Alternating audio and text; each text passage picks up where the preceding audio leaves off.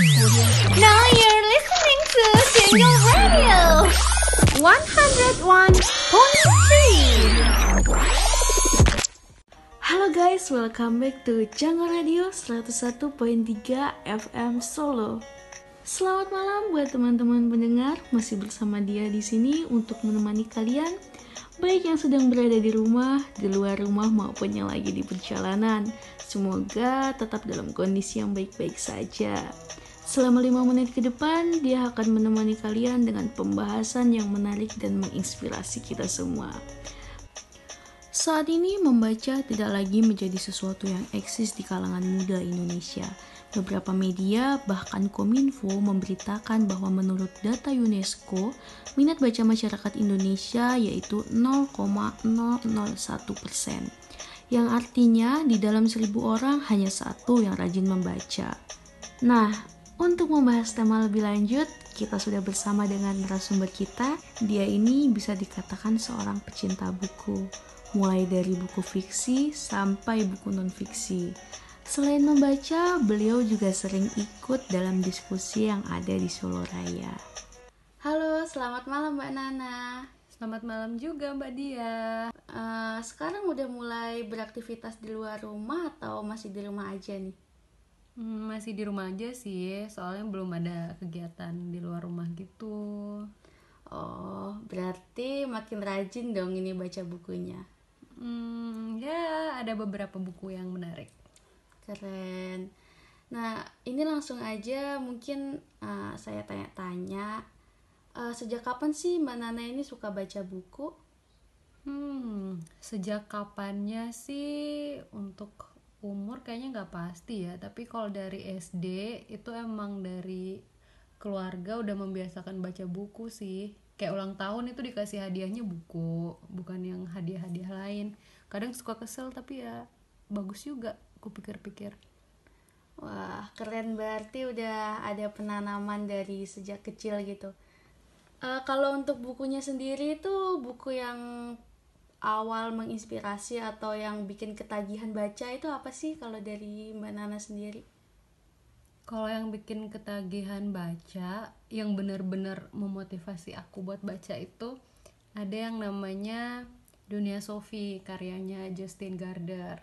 Jadi itu benar-benar buku pertama bukan buku pertama sih ya buku pertama yang menurutku agak kompleks tapi enak dicerna dan bikin nagih. Padahal tebel banget. Gitu. Kalau selama ini kan aku bacanya teen lit komik buku cerita anak-anak. Nah itu yang menantang kalau dunia Sofi menurutku. Nah mungkin kalau dari sekian banyak buku yang dibaca itu pasti ada salah satu kutipan atau kata-kata yang sampai sekarang tuh terbesit di otak gitu loh. Uh, mungkin ya secara ini aja lah. Maksudnya secara artiannya mirip aja mungkin nggak nggak sama persis dengan tulisan di bukunya gitu. Uh, ada sih satu buku yang ku baca setelah dunia Sofi jadi emang direkomendasiin oleh salah satu teman judulnya Bumi Manusia.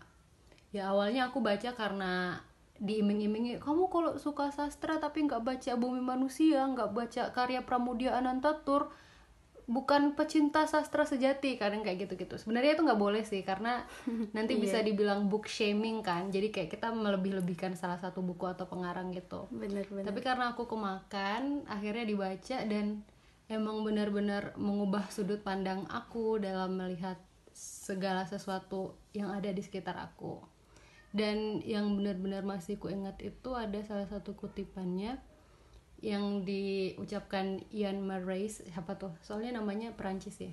Kepada Mingke itu judulnya. Eh judulnya lagi. Uh, isinya kalau nggak salah adil sejak dalam pikiran apalagi perbuatan. Oh. Itu bener-bener wah iya ya. Adil sejak dalam pikiran loh. Oh, iya, pikiran bener. lo harus adil. Oh jadi kayak gitu ya guys. Nah, itu tadi obrolan singkat kita bareng Mbak Nana seputar buku. Sekian dulu Fijis Radio kali ini. Selamat beristirahat, stay safe, sampai bertemu di episode selanjutnya. Bye bye.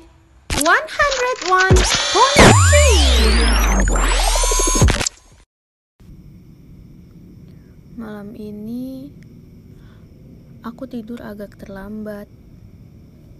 Sedari tadi aku ragu dan berpikir berulang kali.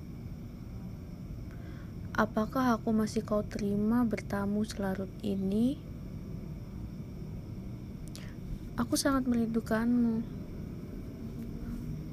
Aku ingin menemuimu di dalam mimpi. Tolonglah, hanya sebentar saja.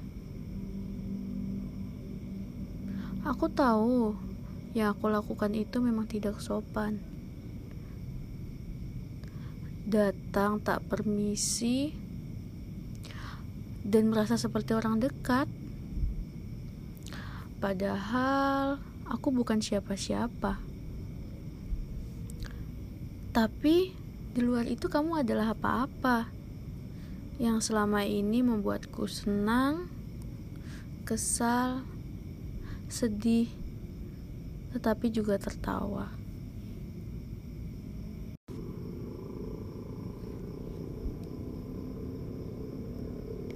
Ini sudah petang.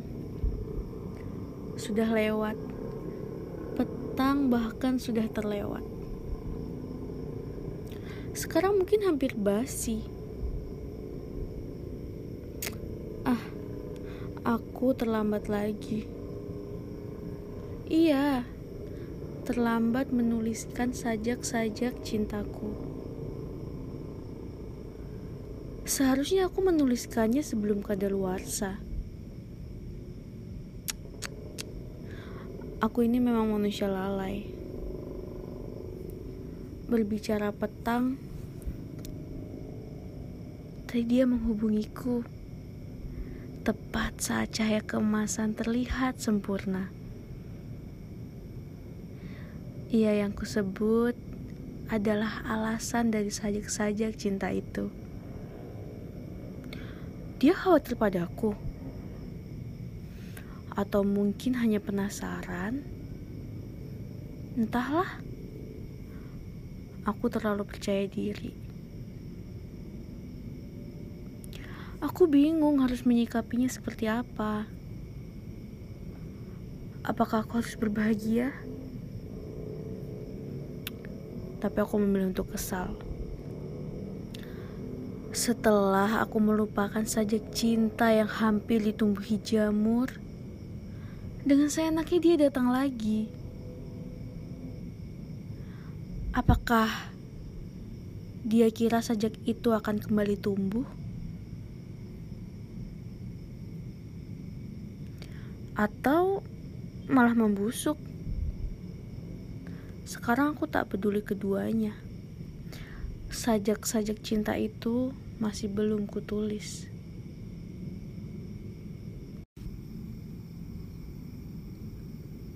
Aku ingin mencintaimu dengan sederhana, dengan kata yang tak sempat diucapkan kayu kepada api yang menjadikannya abu.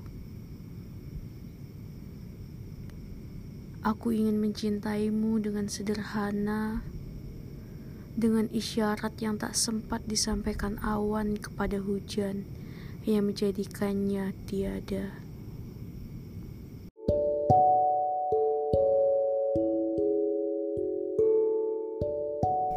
Aku ingin mencintaimu dengan sederhana, dengan kata yang tak sempat diucapkan kayu kepada api yang menjadikannya abu. Aku ingin mencintaimu dengan sederhana, dengan isyarat yang tak sempat disampaikan awan kepada hujan yang menjadikannya tiada.